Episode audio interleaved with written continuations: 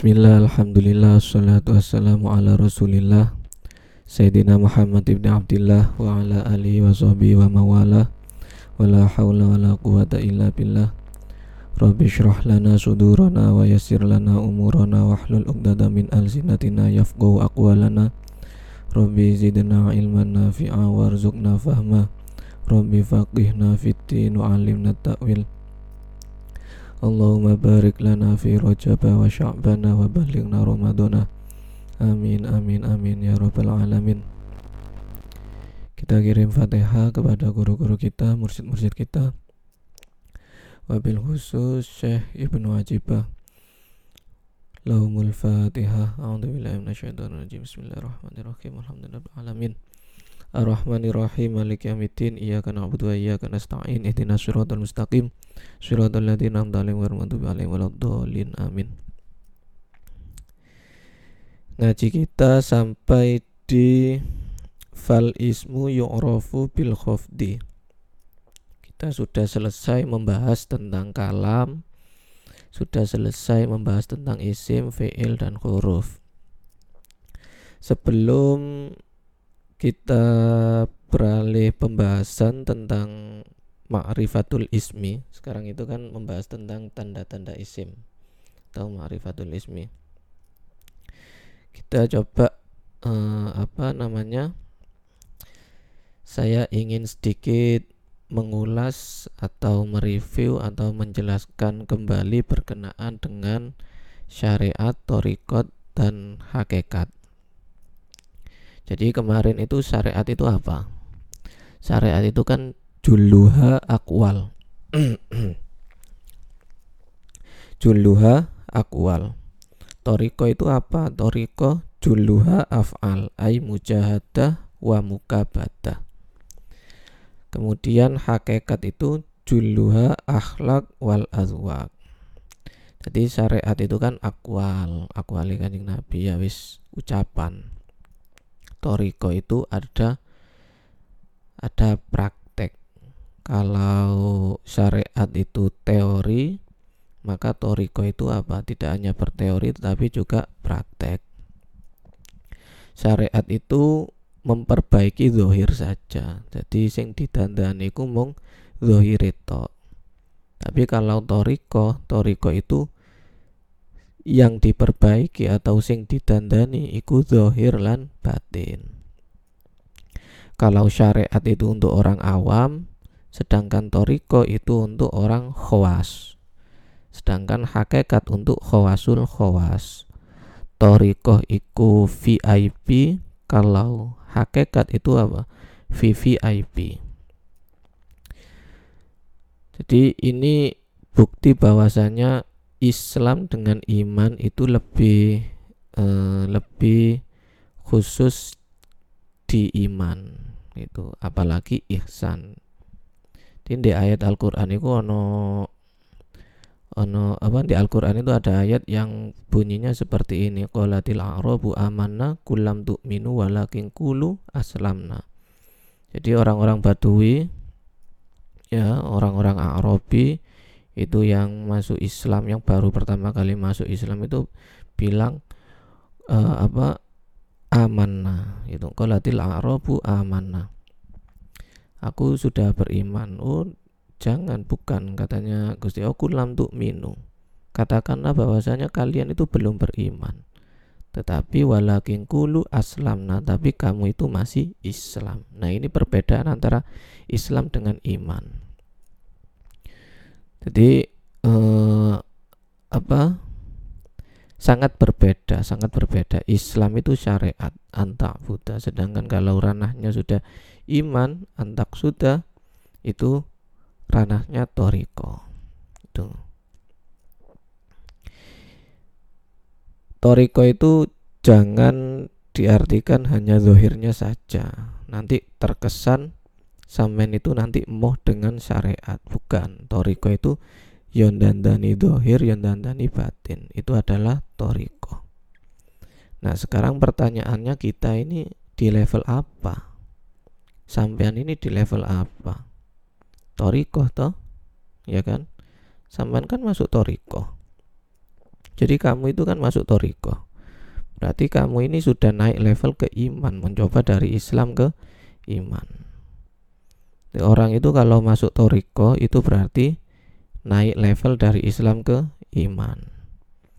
Nah karena kamu ini levelnya itu sudah level iman sudah toriko ya sudah berarti mulai sekarang harus belajar merubah pola pikir belajar merubah sudut pandang. Jadi ya opo ya opo pemikiranmu itu harusnya berbeda dengan pemikirannya orang awam cong. Jadi gitu. Ojo sampai kamu ini merasa uh, sudah bertoriko tapi pemikirannya sih syariat. Maksudnya si Islam si awam. Yo ndak begitu. Mungkin amalan kita itu sama yang kita kerjakan itu sama. Tetapi tujuan kita, maksud kita, niat kita itu ya harusnya sudah sangat berbeda. Gitu. Seperti yang sudah saya jelaskan sebelumnya, niatul mukmin khairu min amalihi. Niatnya orang iman, orangnya niatnya orang mukmin, orang yang beriman itu jauh lebih baik ketimbang amal perbuatannya. Kok bisa sih kok iso menjadi lebih baik dari amal perbuatannya soalnya niat itu apa ya eh niatnya itu beda beda dengan mus, muslim dengan mukmin itu beda. Dalam hal tujuan dan maksudnya beda. Nah ini perbedaannya orang toriko itu di sini. Kamu tak kayak contoh.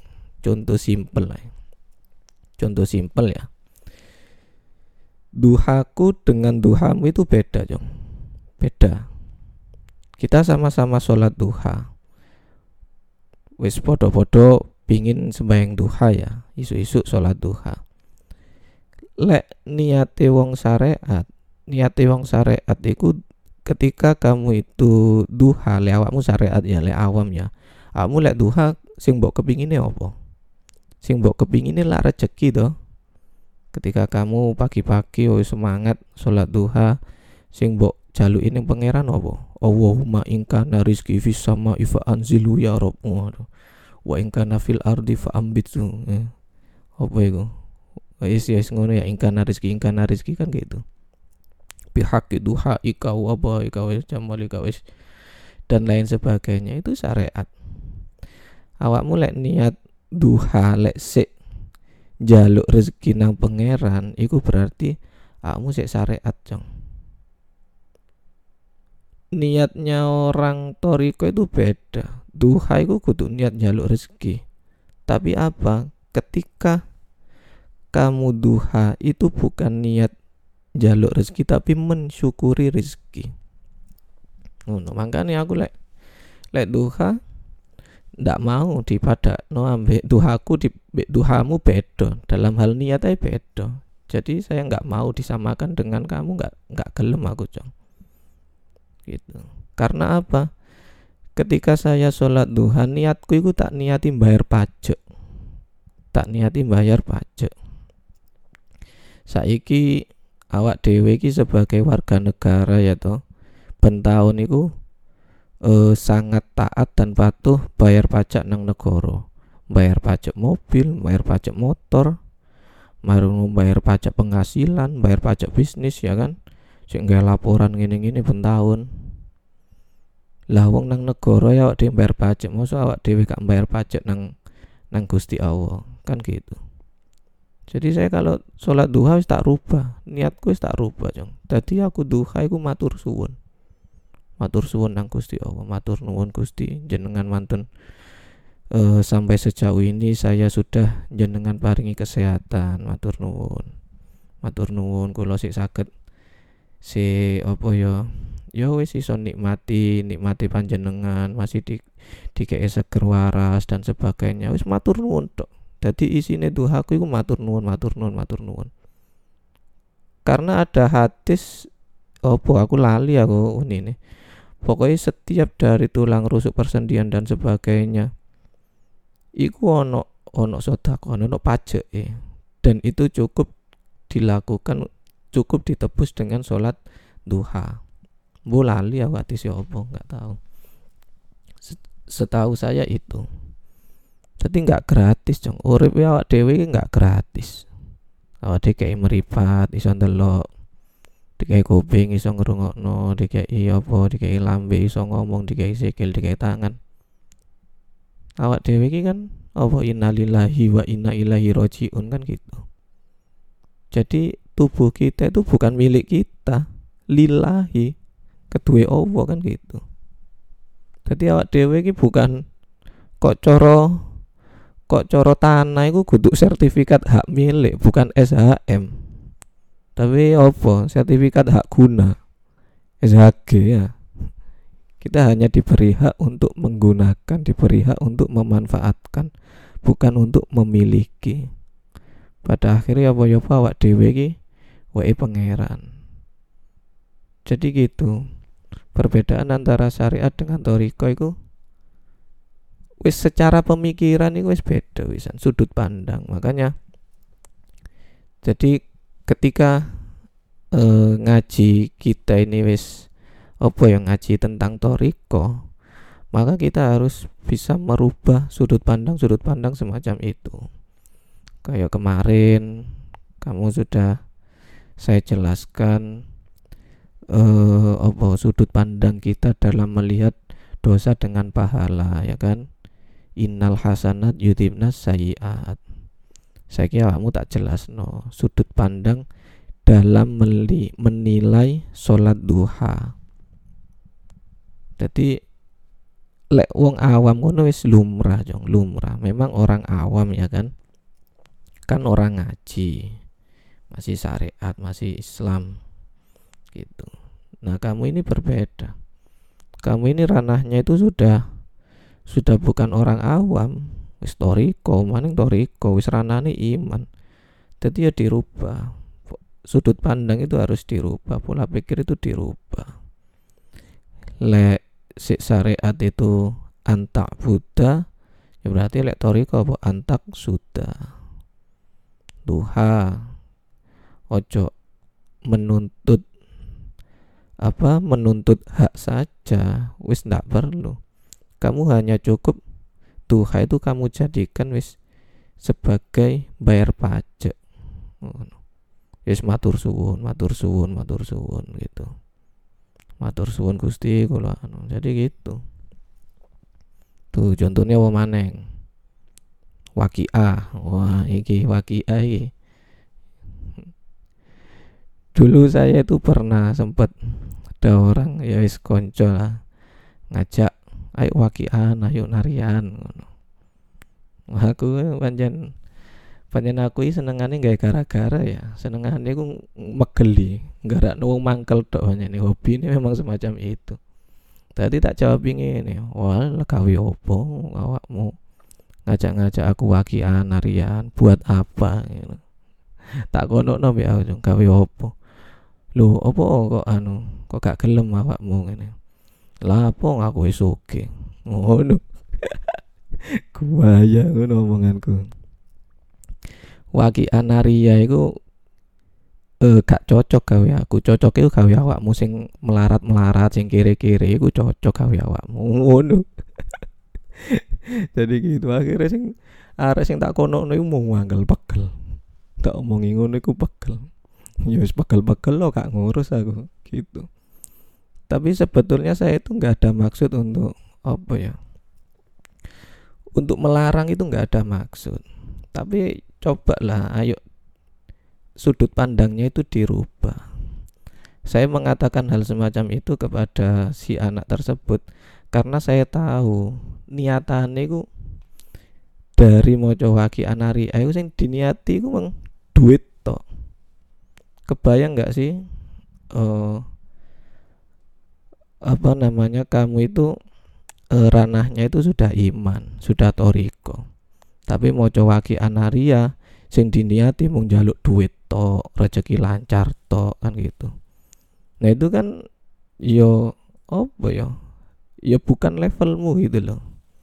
Itu sebetulnya bentuk sindiran Oh panjen dasarannya awakmu iki kiri, panjen dasarannya awakmu melarat, makanya itu ngomong iku mung jaluk duit tok jaluk sugih tok. Gitu. Saya gitukan. Dan di sisi lain uh, saya memberikan banyak kritikan-kritikan terhadap waki nah iya kok nih kok cek kebajute ini waki iku artine ku kiamat. Wong wis ngerti ayat iku tentang dino kiamat kok yo kober? Mikir dunia kok yo kober padane wong awam ae jadi gitu beda. Pemikirannya orang awam wong syariat mbek toriko itu harusnya beda. Lawakmu ini bukan awam jong. Harusnya mikirmu itu beda. Gitu. Wong di di waki aku jelas wa ashabu shimal ma ashabu shimal fi samumi wa hamim wa dhilimi yahmum. Oh iku siksa kabeh kuwi sini wajine yahmum la bariti wala karim. Innahum kanu qabla dzalika mutrafin apa dan seterusnya. Gitu. Itu kamu kalau ngerti arti nih ngerti ayat itu waduh ngeri kebayang nggak sih ayat yang kamu baca ini surat yang kamu baca ini? Pembahasan itu tentang kiamat tentang siksoni ashabus shimal kemudian tentang kenikmatan ashabul yamin dan lain-lain ngono ngono yo kok yo koper mikir mikir-mikir ngono gitu. Ya niatnya dirubah lah dirubah. Makanya saya itu kalau lek ketemu wong awam ngono gak masalah. Yo iya diwaca aki a waca mari opo mari subuh opo mari maghrib waca tapi untuk untuk orang toriko lek awam maca waki ambok niati semacam itu yo yo keliru. Keliru. Ndak tepat ndak tepat harusnya wakia itu kita niati untuk rizki-rizki ukhrawi rizki-rizki akhirat. Bener podo-podo jaluk rezeki ini tapi jaluk rezeki akhirat. Itu jauh lebih pantas. Luwe elok lah. Lebih baik. Ketimbang awak maca waki asing mbok jalui mung urusan dunyo mung masalah duit. Le atasane sing mbok jalui duit aku selalu memberikan alternatif kepada teman-teman kepada wis are-are itu wis mending mau surat ar-rahman. Saya selalu katakan begitu. Sampai aku itu membuat tulisan waduh tulisan yang sangat panjang sekali mengupas tentang ar-rahman wa waqiah. Setidaknya awakmu iku kok lek maca surat ar-rahman kok iku eh, jika kamu ingin apa yo ya ingin rezeki-rezeki duniawi ya lah iku lebih ayat suratnya itu lebih anu adem. Ning ati iku lebih adem. Soalnya nanti kamu itu nanti di surat ar-rahman itu ketemu apa? Fabi ayi ala irobikum madukadziban fabi ayi ala irobikum madukadziban saya yakin hampir semua santri ku ngerti arti ini fabi ayi ala irobikum madukadziban maka nikmat Tuhanmu yang mana yang kamu dustakan. Kan setidaknya kan misal ya kamu kepingin apa jong? Kamu mungkin kepingin anu kepingin tuku motor eh, kepingin suki kepingin tuku mobil misalkan. Jaluk liwat surat ar-rahman ar-rahman baru nau moco baru nu ar-rahman alam al-quran apa? Ya dah kalau insan alam bayan. Nah, Syamsul Qamar ya kan dan seterusnya Lalu nanti ketika kamu sampai di ayat fabi ayi ala irobikum matu gaziban, ku kan aku mikir. Ya satu argumen aja pangeran. Iya rek, awak dewi ki opo yo pantes. Jaluk ngini ngini ngini, wong awak dewi ki dikei kenikmatan sing wis ono ae eh masih saya dustakan sik gak tak syukuri ngono. baru ketemu maneng fabi ayi ala fabi ayi ala fabi ayi ala saya selalu merekomendasikan orang-orang utawa wong-wong sing moro ning aku lek dan jaluk rezeki liwat ar-Rahman lek awak mung tujuanmu golek duit itu ar-Rahman ar-Rahman. Ojo waqiah. Nggak pantas awak menjaluk duit liwat waki ayo gak pantas karena apa? Ya karena waki aku kiamat. Wong bahasane kiamat kok yo sik kober awak mikir dunyo gitu. Yo mas yo Mas yo amalan ngono kan yo ono pantes mbek gak pantes ya kan gitu. Kecuali le awakmu awam awam wis maca sembarang kali sak tepake gak ngurus. Tapi kalau orang toriko itu yo apa-apa ya dipikir gitu. Jadi kalau urusan duniawi ar-Rahman lek urusan rezeki ukhrawi gak masalah wakia gitu Makanya di, di Ar-Rahman itu ono ayat yas'aluhu mang fis samawati wal ard kulla yaumin huwa fi sya'n. Nah, itu tepat sekali. Di ayat itu sangat tepat sekali. Kuwabe yas'aluhu mang fis samawati wal ard kuwabe makhluk pangeran sing ono di langit di bumi ku wis padha njaluk kabeh nang pangeran. Kulla yaumin huwa fi sya'n. Jadi Gusti Allah itu saben dino setiap saat itu selalu sibuk.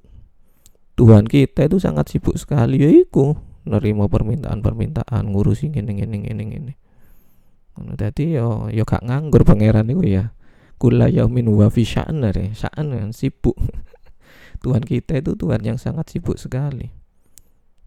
Dikabulno permintaan-permintaan hamba-hamba nih makhluk-makhluk yang diurusi anu dan sebagainya. Nah, ini pola pikir sudut pandang, sudut pandang.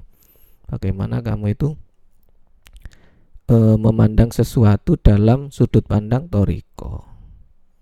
Lek toriko ya toriko, cok balik maneng ning wong awam maneng, cok balik maneng ning syariat maneng gitu. Terus apa lagi, apa lagi? Ya wis banyak.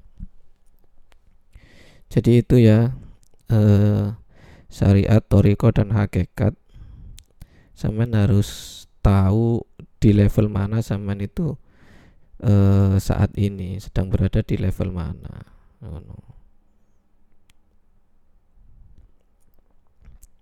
Oke, kita lanjut saja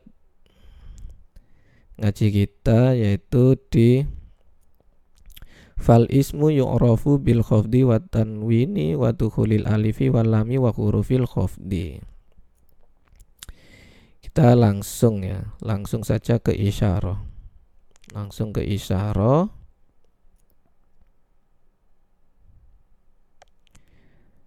Al isyaratus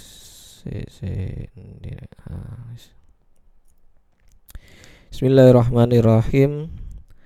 Qala al-muallifu rahimahullahu ta'ala wa nafa'ana bihi wa bi ulumihi wa asrarihi wa barakatihi fitaraini amin.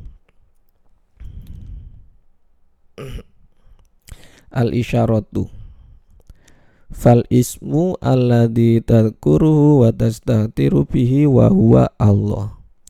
Li annal isma huwa ainul musamma yu'rafu bil khafdi wa huwa at-tahaqquq bidzulli was sufliyat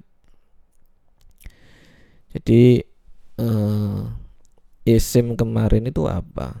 Isim itu kan ail ismil mufrad wa huwa Allah. Jadi di sini dijelaskan oleh oleh Syekh Ibnu Ajibah yaitu isim yang senantiasa maksudnya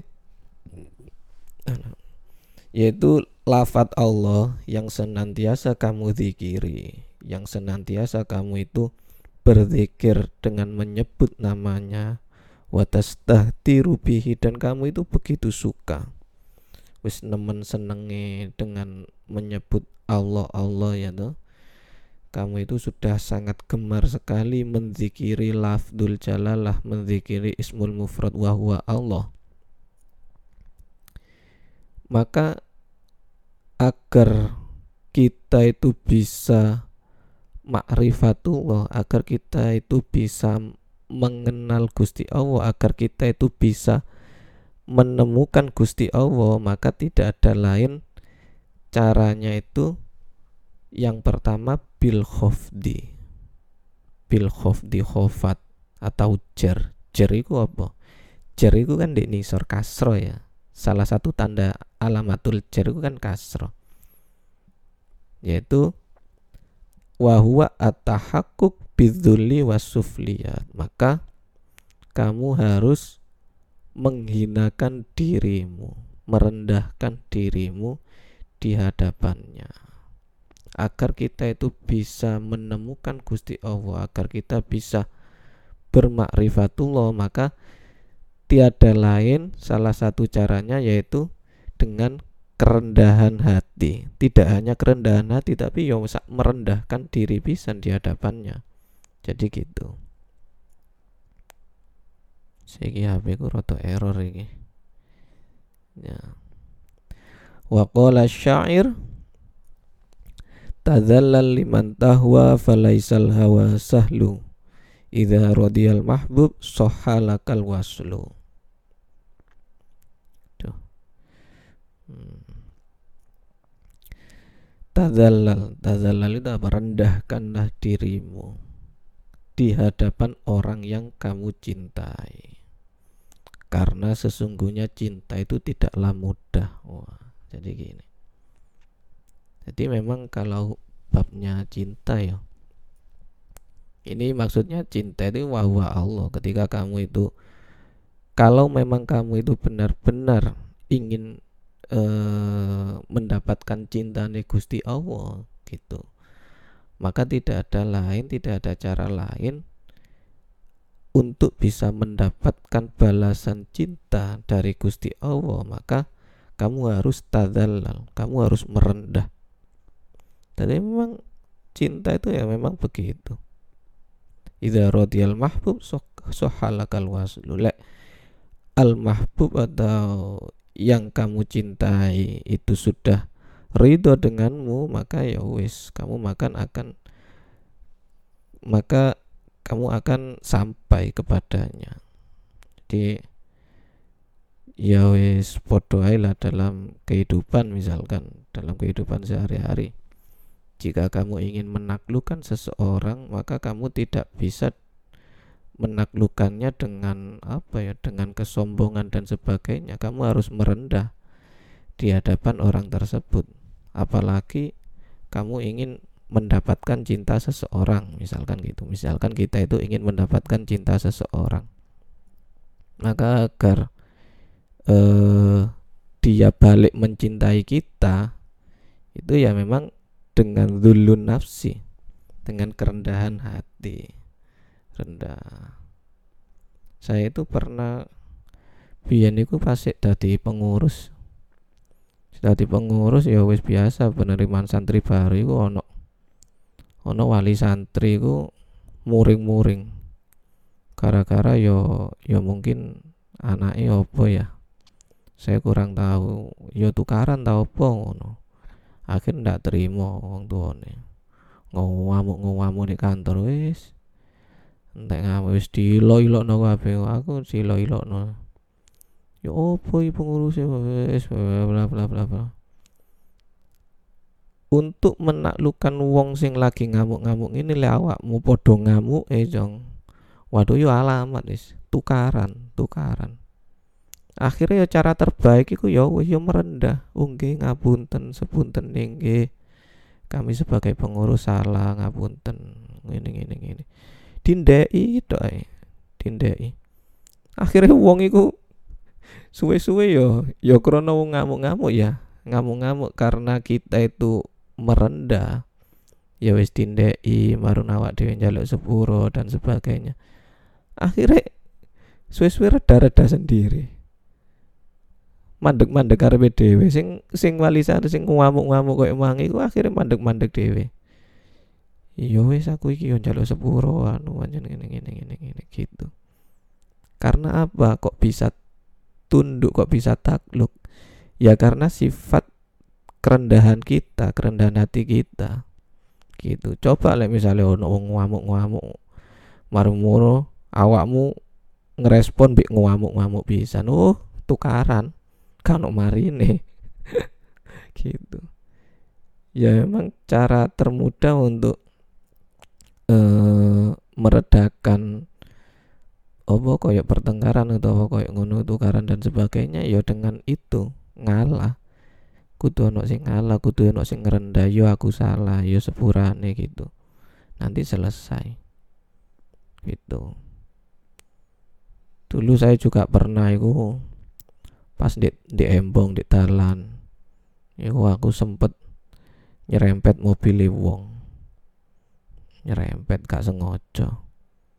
Wah iku wong iku wis rasane kudu emosi to jangan jenenge pancen aku salah ya.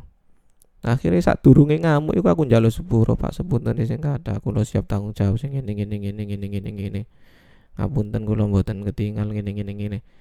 Akhirnya wong iku sing asline kate ngamuk iku malah gak situ oh iya ya mas iya mas nggak apa-apa nggak apa-apa. Jadi gitu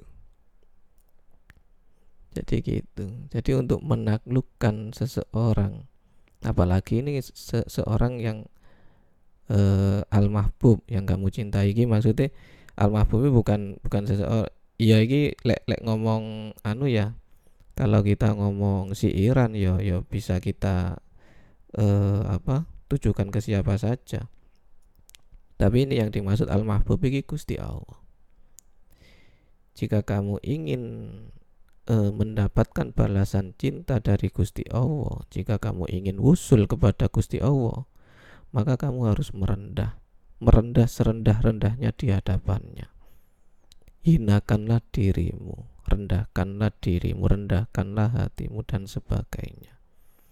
Falaisal hawa sahlun karena untuk mendapatkan cintanya itu tidaklah mudah gitu Wakola akhir tadallal liman tahwa litaksiba izzah fakam izzah qad nalahal mar'u bidzulli idza kana man tahwa azizan walam takun zalilan lahu faqra issalam alal wasli. Nah ini juga ada siiran yang lain.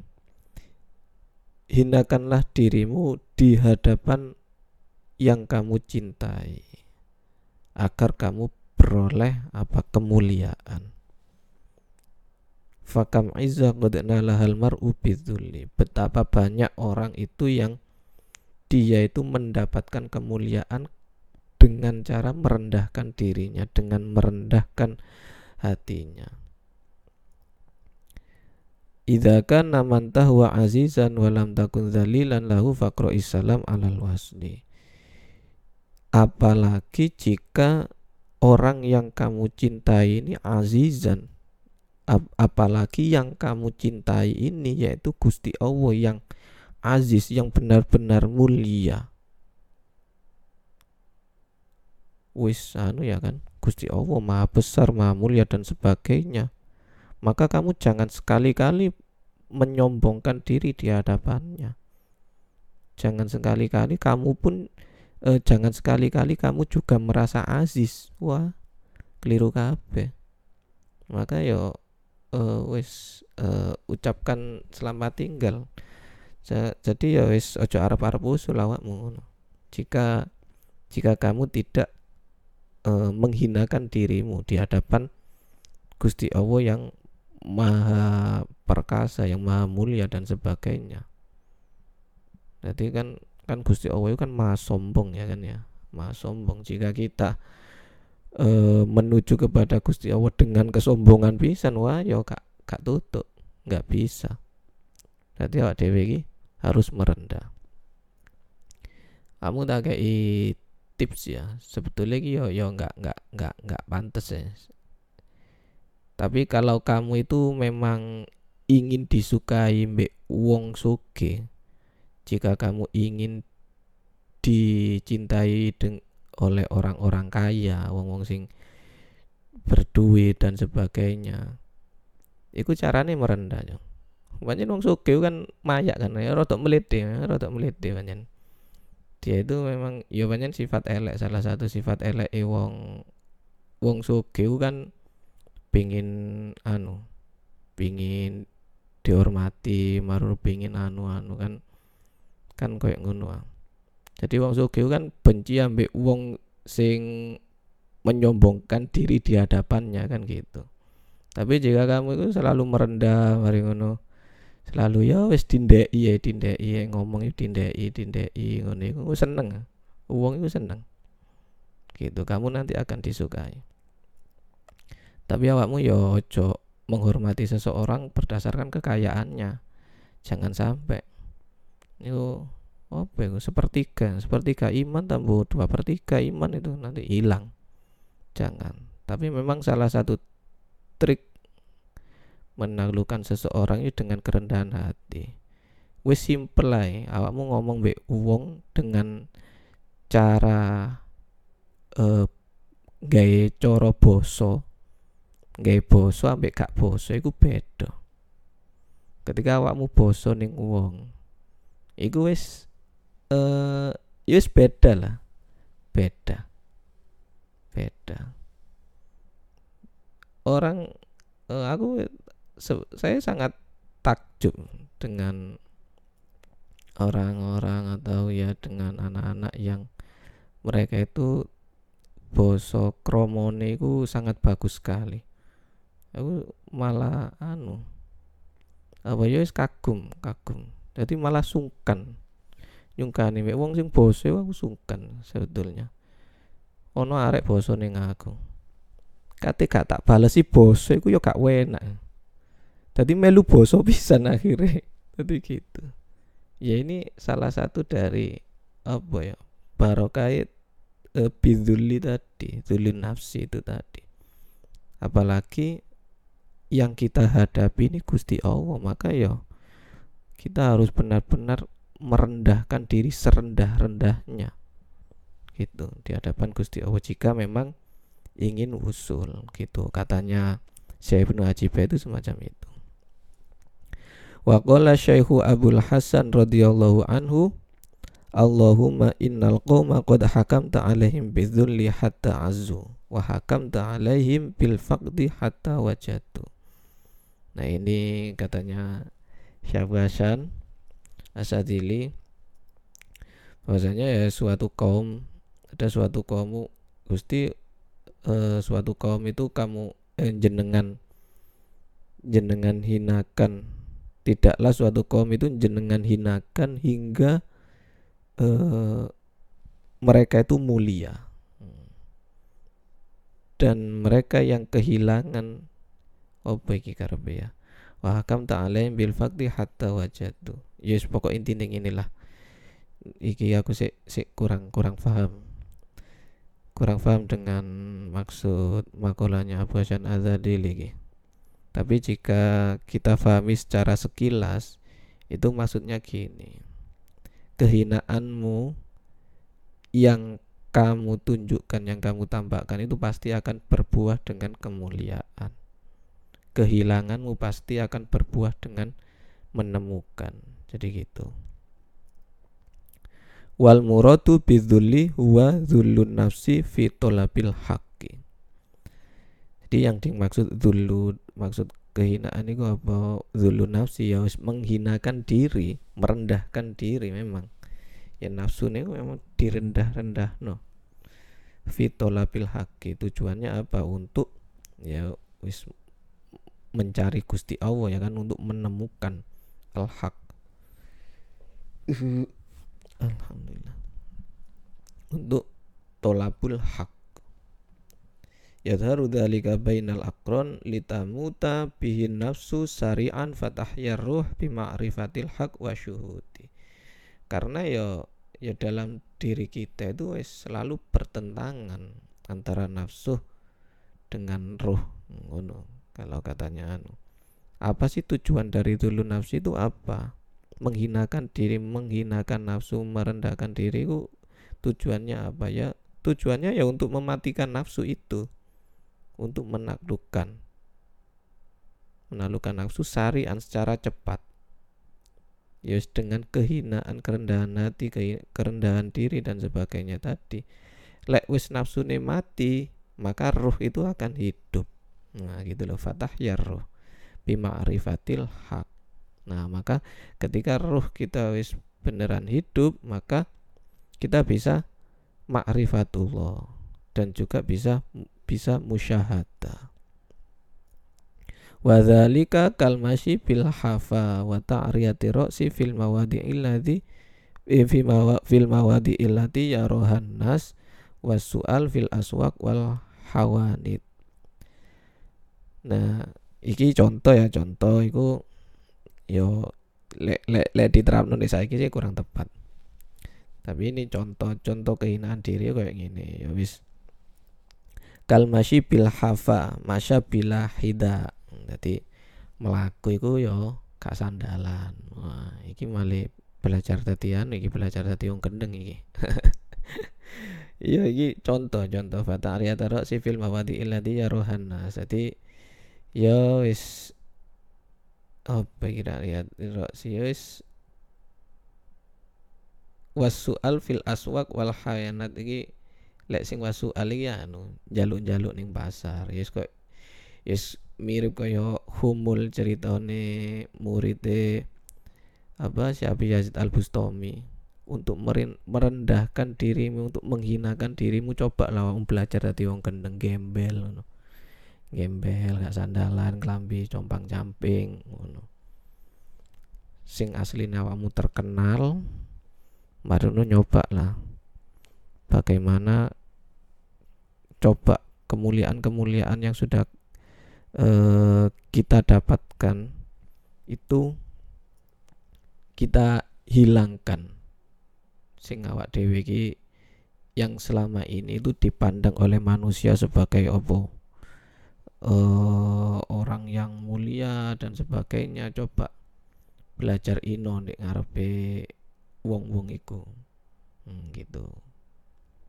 Tapi ini memang indikatornya itu eh kudu gak gak plek koyok ngene ngono. Jadi zulun nafsi itu lek lek di zaman saiki simpel lah wis simpel ketika awakmu iki ono wong sing ngilokno awakmu iki awakmu gak ngamuk. Ada orang yang merendahkan dirimu kamu itu tidak marah.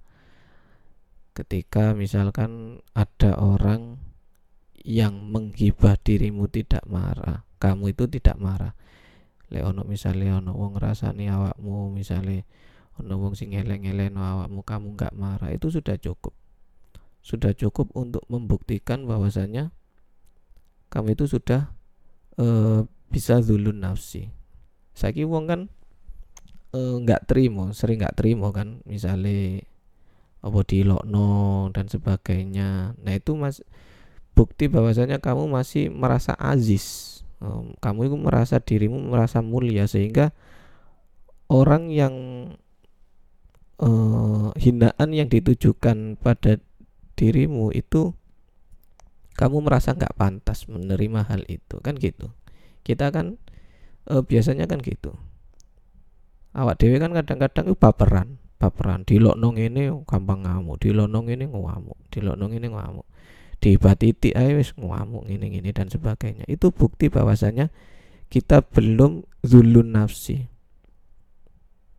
Kalau misalkan kita itu sudah zulun nafsi misalnya ono wong ngilok-ngilok no kamu misalnya dilokno apa oh goblok kon iki gendeng kon iki ini misalkan. Kemudian ada orang yang e, membuka aib kita di loknong ini di bank ini ini ini dan sebagainya. Kemudian kamu kok kita kok merasa apa? Yois ya menyadari hal itu. Ya banyak aku salah aku anu ini ini ini ini maka itu sudah dulu nafsi. Tapi lek sik baperan sik ngamuan jika merasa kamu tidak pantas untuk dihina dan sebagainya maka itu belum zulu nafsi gitu. Sebetulnya itu indikatornya. Indikatornya kerendahan hati kerendahan diri itu semacam itu. Eh, apa salah satu hal yang lain itu bisa juga apa kita selalu eh, ketika memandang seseorang ketika kita memandang seseorang orang tersebut selalu kita pandang jauh lebih baik ketimbang diri kita. Nah, itu bagian dari dulu nafsi.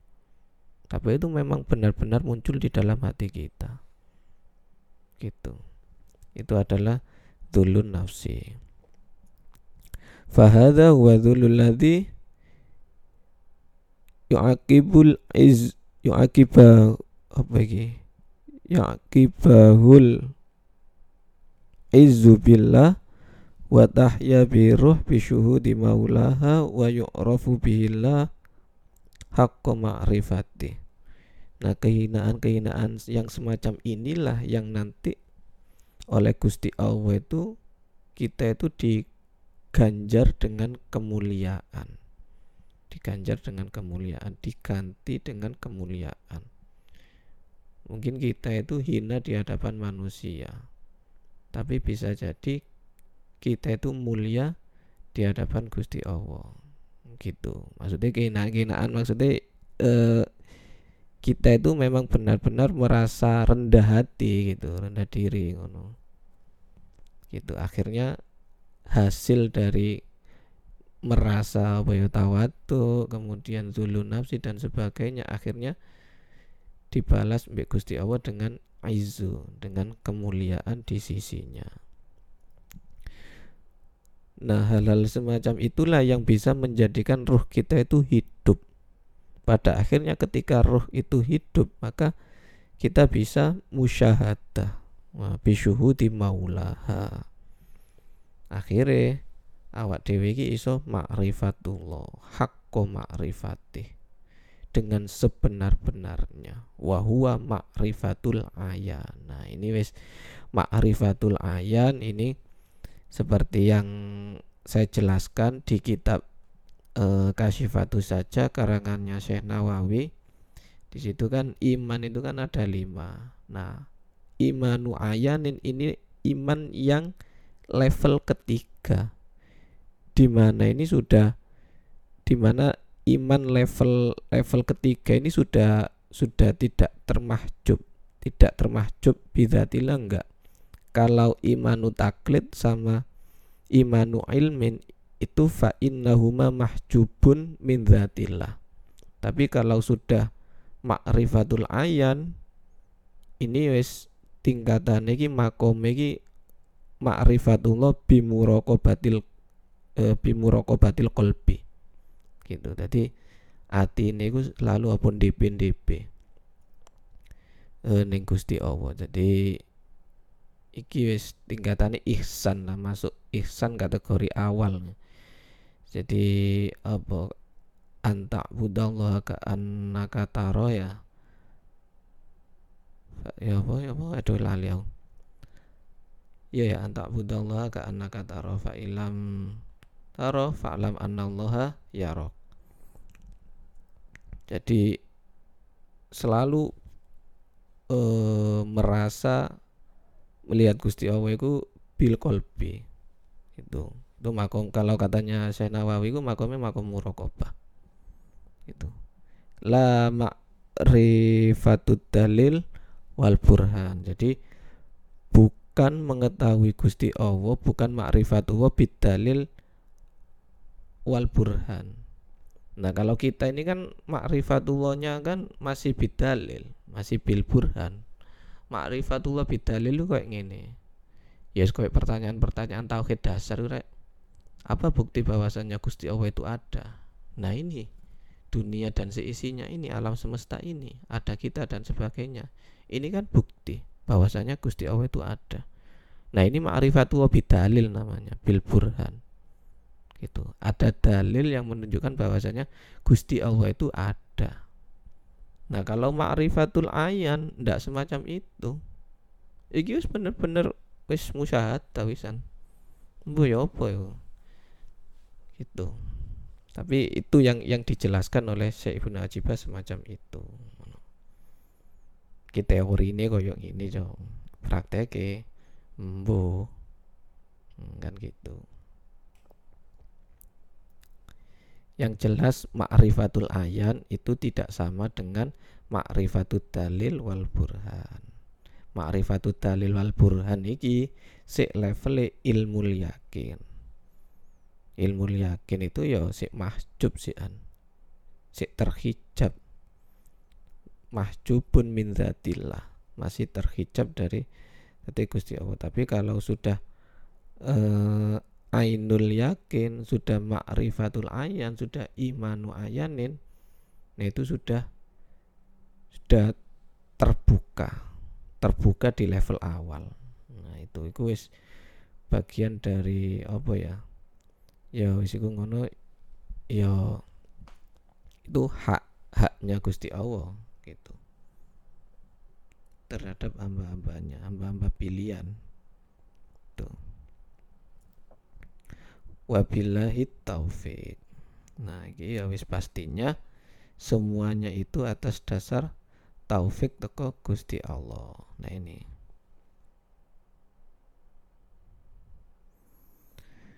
Wa yu'rafullahu ta'ala aidon bitanwin.